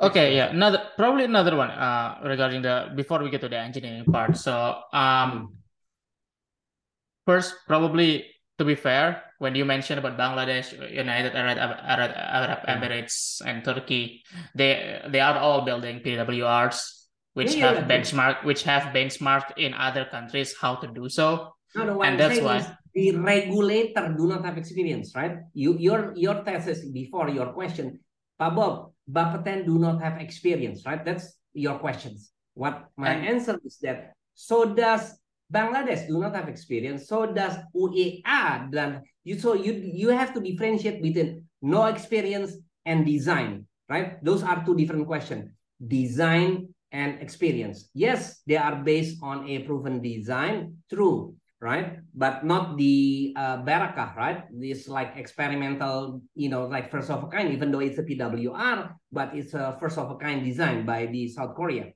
right? But the regulator is practically brand new, right? Right. So that's my point. Mm -hmm. You said mm -hmm. Bapeten do not have experience. What I'm trying to say, experience can be bought. Experience can be hired. So that's my point. All right. Okay. And one, one, one other question that uh that I come up with regarding this regulatory uh side is I think probably yeah. why I seem so pessimistic with Bapeten is probably because I saw the engineering side of it. Yeah, I mean, uh, having studying uh, about nuclear reactors generally, I kind of figure out why uh, they say it, it's not as simple as uh, as it said, even though uh, uh, I, I actually want to argue with you about about the thesis like the the molten salt reactor is the easiest one to be operated because it's it uses a molten salt as a fuel. I'm I'm not sure, but but as far as I understand, when you are using a fluid fuel, yeah, then you have to be careful with reprocessing. And so the the the the, the and the proliferation parts that comes with it and how do you separate some other isotopes and and the things but i don't think it's a it's a question that you have to answer because because uh, mm. I think it's more on the regulatory part. It's more on the engineering side of it that should be addressed by Bapeten, in my opinion. And mm. uh, I want to understand this new regulatory kind of thing uh, that is proposed by Bapeten for like for eight years you have to have the license already. And you mentioned about the pre-licensing. Does this does this pre-licensing thing includes the eight years of it? No no does not include. It's okay. the official okay. licensing process. No of course so, doesn't include. Yeah that's not include. Okay so so so there is no what is it there is no like official official official black and white uh, agreement between between Bapeten and Thorcon is saying that okay, we started the the licensing from the pre-license. It, it just an, an for now it's just an informal discussion, right? No, no, no, no. You are you are you don't understand the regulation, right? The mm. regulation stated right that you have the rights to have a consultation. That's a regulation. Okay. Okay. Right right? Mm-hmm. So uh, understood that. So uh, the this pre-licensing basically is a consultation, right? So All right. We have the rights to have. That's even in the regulation in the Nuclear Act. It is regulation in the PP number two, the consultation, right? So you have the rights to to have a consultation, right? So this mm-hmm. is you know consider it very simply. Don't make it very complicated, Harun. This is basically a consultations right? Mm. It's just that it's not defined how you how consultations should be made. It's not defined yeah. whether it's one day, two days, three days, one year, two years, three years. That's not defined, right? Okay. So it's basically a consultation, right? So we just call it a pre-licensing uh, uh, process, right? Or mm-hmm. Would call it a pre-licensing consultation period. Okay. You know? All right. So no yeah, that's problem. what that's it is. It is covered by regulation. It is covered. Yeah, this is what I'm trying to ask because uh, the definition of pre-licensing has a very different meaning in NRC. And I already, I, I, already said that, right? That's why yeah, I already said it's very different in NRC, yeah. Well, deny said that that's Bapeten do not want to use the definition of licensing back in NRC or IAEA or Canadian, right? I did I not say that? Yeah, I, yeah. I did say that, right? Uh-huh. And then agreed to do this, but without the same definition, right? Because okay. that definition is not covered by the regulation. You know, if mm. even if Bapeten want to do it, right? Even if Bapeten wants to do it, like the NRC type of pre-licensing process or the hmm. Canadian mm. type of pre, that is not covered. All right. That is one that's not covered by the regulation. But the mm-hmm. consultation, quote unquote, it's covered. You know, the yeah. word consultation is there, right? It's mm-hmm. just that it's vaguely there is no definition what's the output of the consultation what's the process how long does it take right so it's open to interpretations right all right uh, that's why bapeten going to formalize in the next revisions right this whole pre-licensing process in the new revision of the pp pp number 2 mm-hmm. Mm-hmm. All right, I think I think it's it's pretty clear enough for now, and yeah. okay. we we uh we can start talking about the engineering side. Okay. I, well, well, there, I, there's there's another side that we we have a lot of studies, right? So we got a mm-hmm. lot of studies. Number one, right? So I'd like to share is that uh, we we for the past two years, right? In the past two years, we've been uh, doing studies that required by the government, right? So we oh. have a recommendation by the government by the Minister of Maritime to uh, to do basically what what the Minister of Maritime is saying is that hey Thorcon do these studies and uh, put it this study propose us and we consider it to because we're asking a pre presidential decree right presidential regulation right to okay. cover the project right? And mm-hmm. then yes, we consider it, but you know, submit a proposal, do these studies. Right? Among among the studies are the feasibility studies, right? High level safety assessment and uh, public perceptions and uh, the local contents, right?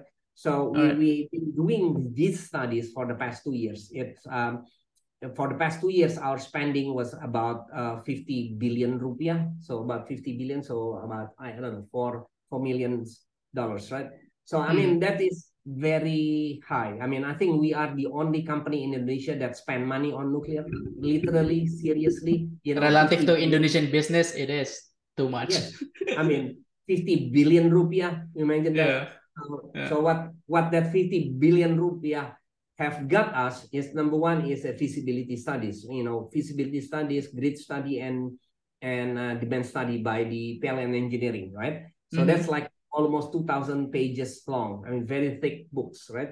So that right. actually the the first feasibility, well, even though Batan already done feasibility, but is mentioned, no, no feasibility, nuclear power plant feasibility studies that I've looked at, right?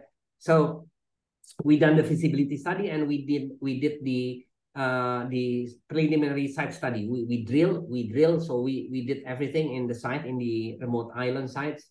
So we did the pre-feasibility, uh, the pre uh, pre-site study, right? Pre-site study, and um, uh, we we done that, right? Mm-hmm. And we we done the demand demand study, and the conclusion is yes, there is a demand, and we did the economic of the study and the conclusion is yes this is feasible and bankable yes it can be sell electricity can be sell uh, profitably with a positive internal rate of return to Thorcon at around mm -hmm. six cents right so all positive and yes the island that uh, will be implemented the remote island about 32 kilometer offshore uh, Bangka is mm-hmm. also feasible ge geologically now, in fact, we have submitted the to Bapeten the uh, pre-site study to Bapeten to get sort of like a approval on um, uh, approval on the site, not not the not the permit, the site permit, but okay. approval kind of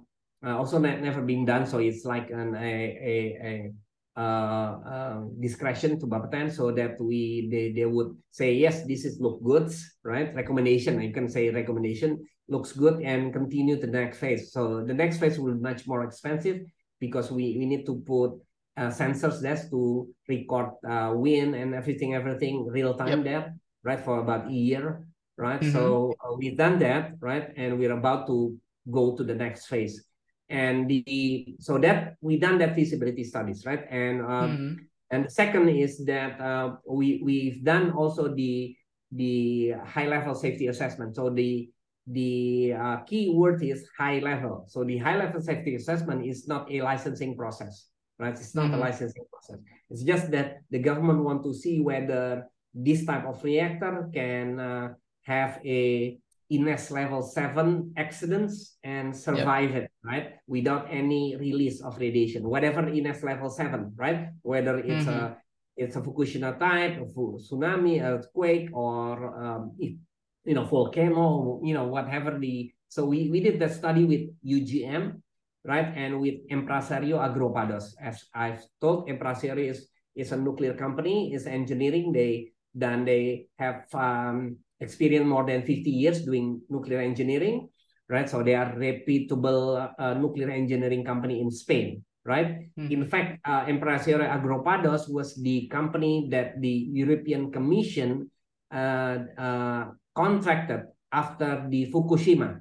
When after the Fukushima, right, happens, so the European Union uh, uh, hire Empresario Agrupados to inspect and all the nuclear power plant in Europe, the whole Europe, you know, you're yep. looking at many nuclear power plant to rec to have recommendations on um, what need to be done so that Fukushima does not happen to that mm -hmm. reactors right? Yep. So they they use the same methodology that they used to inspect, you know, back in 2014 or uh, 12 or 13, you know, with the Fukushima commission, you know, type of a contract with the uh, back then, you know, to inspect for the Fukushima accident prone recommendation, right? So so uh, they use the same methodology and uh, together with UGM, and they've done they finish the uh, the study and now submit to Bapeten. Mm-hmm. We done that right, submitted to Bapeten. And now Bapeten is going to evaluate them, the uh, and then hopefully if it is positive, Bapeten is going to give recommendations, right, uh, to the government. Of course, through you know that recommendation doesn't mean that we, we are meaning that it's past the license or we need to go through the licensing process, right? It's just, it's just for the presidential decree. Yes. Okay. Yes, just for the All presidential right. decree. Right. Okay. So it doesn't mean Bapeten approve on it. It's just recommendation that it meet all the requirement, right? Safety standards and it can withstand the uh, INES level seven. So the third one, which is I think is is um, a breakthrough, is that the uh, fuel lab, molten fuel lab in ITB, that's going to be commissioned in February. We've been discussing it more than two years, and we've been setting, trying to set up, you know, because this is also the first one, right? Now mm. this um, design is also, I think, the first one in the world, right? That we we have this type of a lab, right? So it started back in uh, Wisconsin, started in Wisconsin University, this the, the, the experiment for the separation for the fuel from fluorocarbon. Then it got transferred to uh, Virginia Tech University. So parallel between Virginia Tech University and UC Berkeley Engineering, uh, nuclear engineering, uh, we, we, we contract them out for past two years. And so they, they have done that study, they have done the experiment. Though, so um, they can separate and uh, purify the fuel uh -huh. that we're going to use up to two two kilograms, right? So mm -hmm. they take ITB, right? So this is a breakthrough, right? ITB took the the data, the experiment, the methodology that the Wisconsin University, University of Wisconsin, Virginia Tech, and UC Berkeley come together and then uh, and uh, uh, upscale it 20 kilograms for from 2 mm-hmm. to 20 kilograms and we find out there are a lot of challenges in the engineering side in scaling up to 2 kilograms right so right. Two, 2 kilograms right to scale up to 2 kilograms and uh, uh, we we done and we we already uh, concluded how we're gonna do this and um, we build up the lab and hopefully in February is going to be commissions, right? The lab, right? And the target of this lab, we're going to, the second phase would be after we, we succeed, uh, succeeding in the two kilogram, we're going to upscale it to the pilot plant. So that's two tons, two tons. Of molten salt. Yes, molten salt, two tons per batch right? Oh, sorry, mm -hmm. 20 tons, not two tons, 20 tons of molten. Will there be fuel on it? Huh? Will there yes. be unit? Will, will any? Yes. Yes. So yeah, it will be it will be heavily it will be heavily guarded by by Bapeten then. Yes, exactly, exactly. Okay. So Bapeten's already we engage Bapeten already, but that's not yet, right? Still the future. All right. Bapeten's already know that. IAEA also we we follow all the regulation, Harun. Right? Yeah. I mean, I have to say we follow all the regulation right? And uh, so we're going to do build the 20 tons pilot project in uh, ITB also. And that was the end. So the idea is of this pilot uh, at the end of this uh, pilot project is we're gonna have a engineering design for the factory, for the factory of the molten fuel lab. And the factory hopefully will be built by the uh, state-owned company, not us. So we're going to propose mm. state-owned company, including the business plan and the front-end engineering design, everything, everything. So hopefully the uh, fabrication of the fuel fabrication is going to be built hopefully in 2024 and uh, that will produce about 80 to 100 tons per batch that will be okay. that will fuel the non-fission test platform so that mm -hmm. was so that is wonderful i mean this is a breakthrough also i mean uh, that uh, when we you know it'll be uh, press release uh, commissioned by in i think in february so that's that's that the other issue is that also as you know, the government has already given uh, uh, clearance uh, that you know put aside that for eight gigawatts, right? By eight gigawatts of nuclear power plant to be in 2040, meaning like I said before, by 32 is uh, need to have the first nuclear power plant operating. Now this is the basis for Bapeten to do the preparations, right? Because mm. government is moving forward and also because we are doing the prototypes, right? But based on that, uh, also uh, the DAN and the Minister of Energy put forth a um, sort of like a recommendation what needs to be done. There are seven directives by the Minister of Energy, and the seven directives is that they ask about PLN to start negotiating on the price of the nuclear power plant with a mm -hmm. any investor. So any investor will yeah. be Thorcon, the only investors, and uh, have a preparation uh, preparation for the implementation of nuclear plant. So based on that directive, we can hopefully we we start the negotiation we start an MOU with PLN Indonesia Power. It's going to involve Indonesia Power.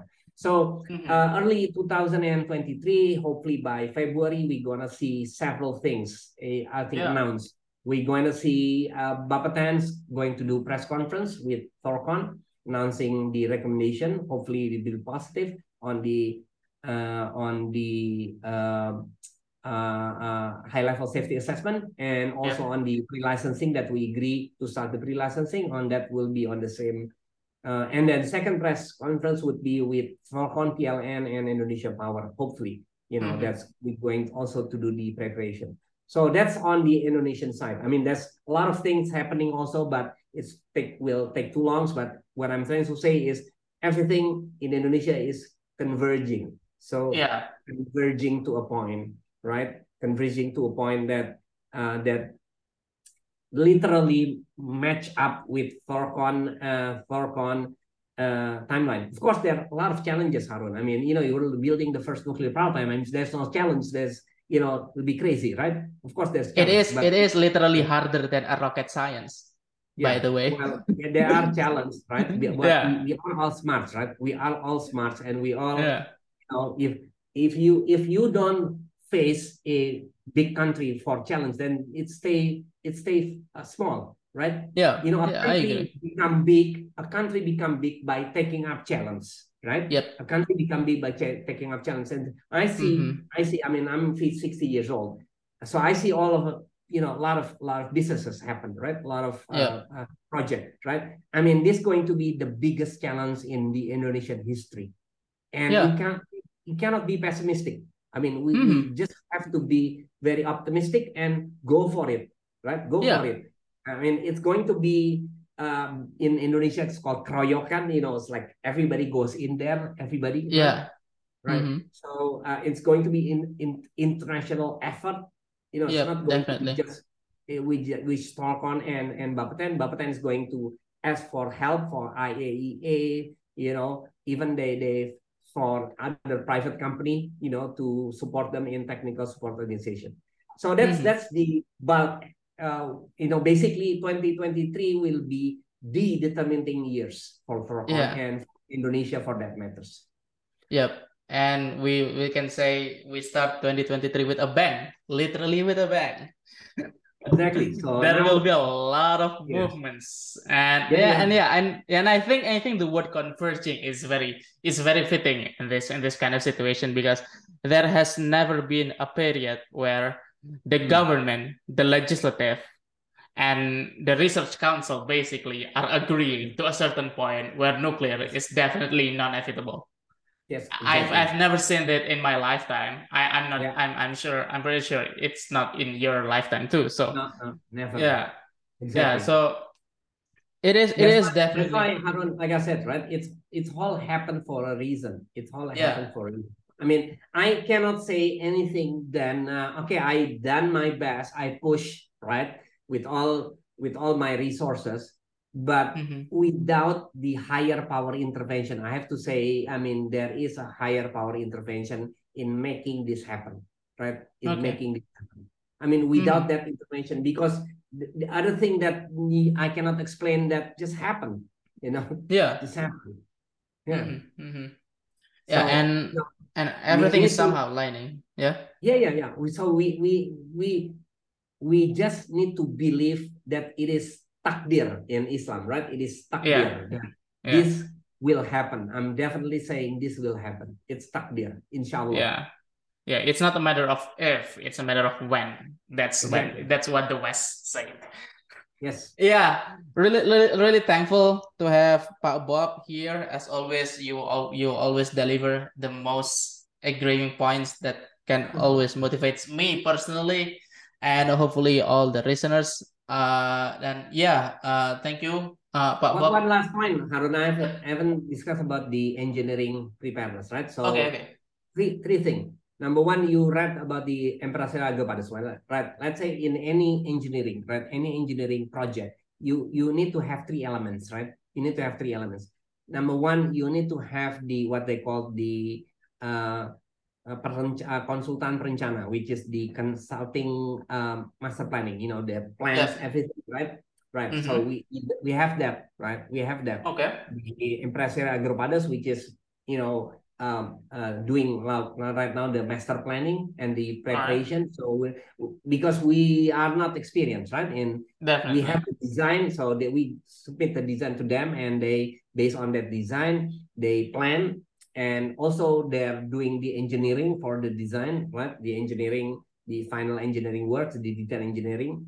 And uh, the second component is you need to have an EPC, right? Uh, you know, the EPC, who is your main EPC, right? Because the master plan will be given to the EPC, right? Right for mm -hmm. construction, right? As you know, yep. we already pick our EPC. That would be Daewoo Shipyard and Marine Engineering, right? Mm -hmm. They already agree, right? And uh, our reactor will be built by Doosan, right? Uh, Doosan is a, uh, a manufacturer of reactors. They they make the reactor for the Barakah and NuScale, right. and I think uh, AP1000, right? So they are very mm-hmm. experienced making reactors.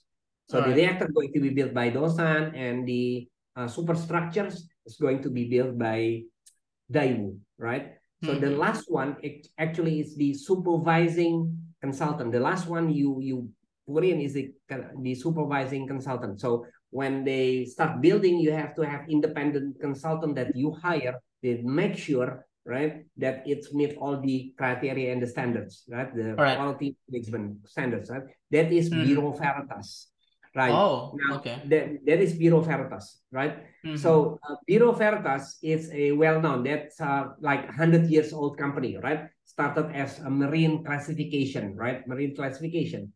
So because we are a vessel also a TAC uh, on on a on a on a on a vessel, right? Mm -hmm on marine vessel, that means it need to be classified as marine, right? So so okay. when we choose, right, you have several uh, renowned uh, world-class uh, marine classification. You got the Bureau Veritas, of course, one of the biggest, and you All got right. Lloyd Register, and you got uh, DNV, and you got several. Mm -hmm. I think four biggest. So the I think Bureau Veritas is number two, the biggest, right? But uh, and between Bureau Veritas and DNV and Lloyd Register, they have experience. They have experience in uh, acting as a nuclear engineering uh, uh, supervising body, quality management right. services company, right? Mm -hmm. So, but among the three, Bureau Veritas has the highest number experience in nuclear, the highest okay. number.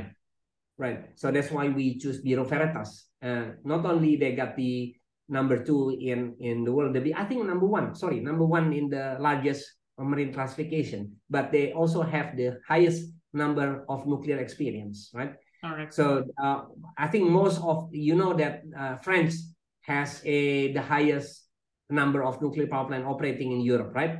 All mm -hmm. of mm-hmm. them, all of them is is supervised by Bureau Veritas. Okay.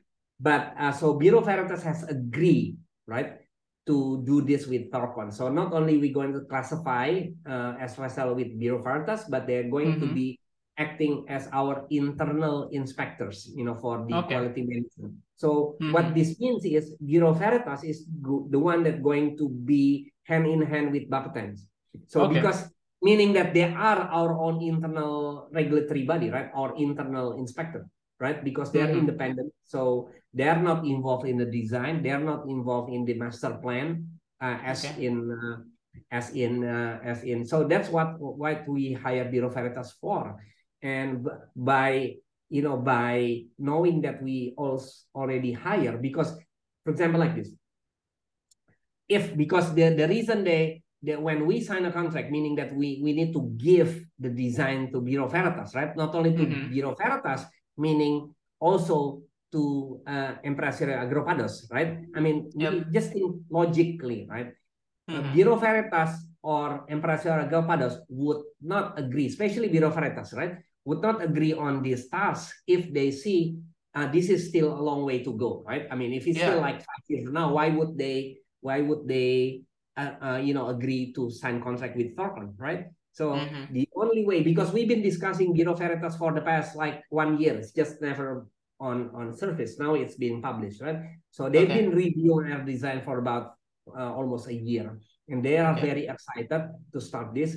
Not only because this is going to be the first molten salt reactor, also this is the their first experience in a uh, what they call the gravity-based uh, power plant. As you know, this is not floating, right? So this is mm-hmm. what they call the gravity-based platform. So this is the first time that they involve in nuclear power but in in the water, right? They don't have that experience yet. As you know, the Russian nuclear power plant, the floating nuclear power plant, is not uh, by Bureau Veritas, so they don't have experience. So this okay. is the first time for them. So they're very excited also. So by knowing that, meaning that you know, without you knowing the design, meaning that we are close to the engineering design, right? We are close to engineering design. In fact, like I said, right, in the next 14 to 16 months from now, we are going to submit the licensing process to Bapeten through the first uh, design approval. So when we start the design approval process, meaning we have to have the engineering design ready by that time. Mm-hmm. So I think that's you know uh, my closing statement. Yeah, and. We might need uh we might have to be optimistic about this i guess yes. uh so because because it's not only that this this will be the first msr commercial msr to be built in the world in the freaking world but also some of the highest minds of engineering yeah. and safety are in the yeah. are in the middle of it in the middle of this this construction so it should be a thing that we can proud of as a nation again yeah. thank you very much Bob for in exciting two hours of talk. biasanya biasanya kita cuma biasanya kita cuma sejam loh ini uh, gara-gara Pak Bob well, selalu exciting. Down, right? You can break down to two two podcasts, right? Well, I mean, I, I, right for now, I don't want to cut it. I'll just put it in about two hours. Let the listener, let the listeners listen. So I'll probably make some timestamps of some sort, but we'll see. Okay. Okay. Yep. Thank you very much, Bob, for the uh for the uh, for this being the guest as as wonderful as you are. And untuk pendengar semuanya sampai jumpa di episode selanjutnya. Bye bye thank you. Thank you. Bye bye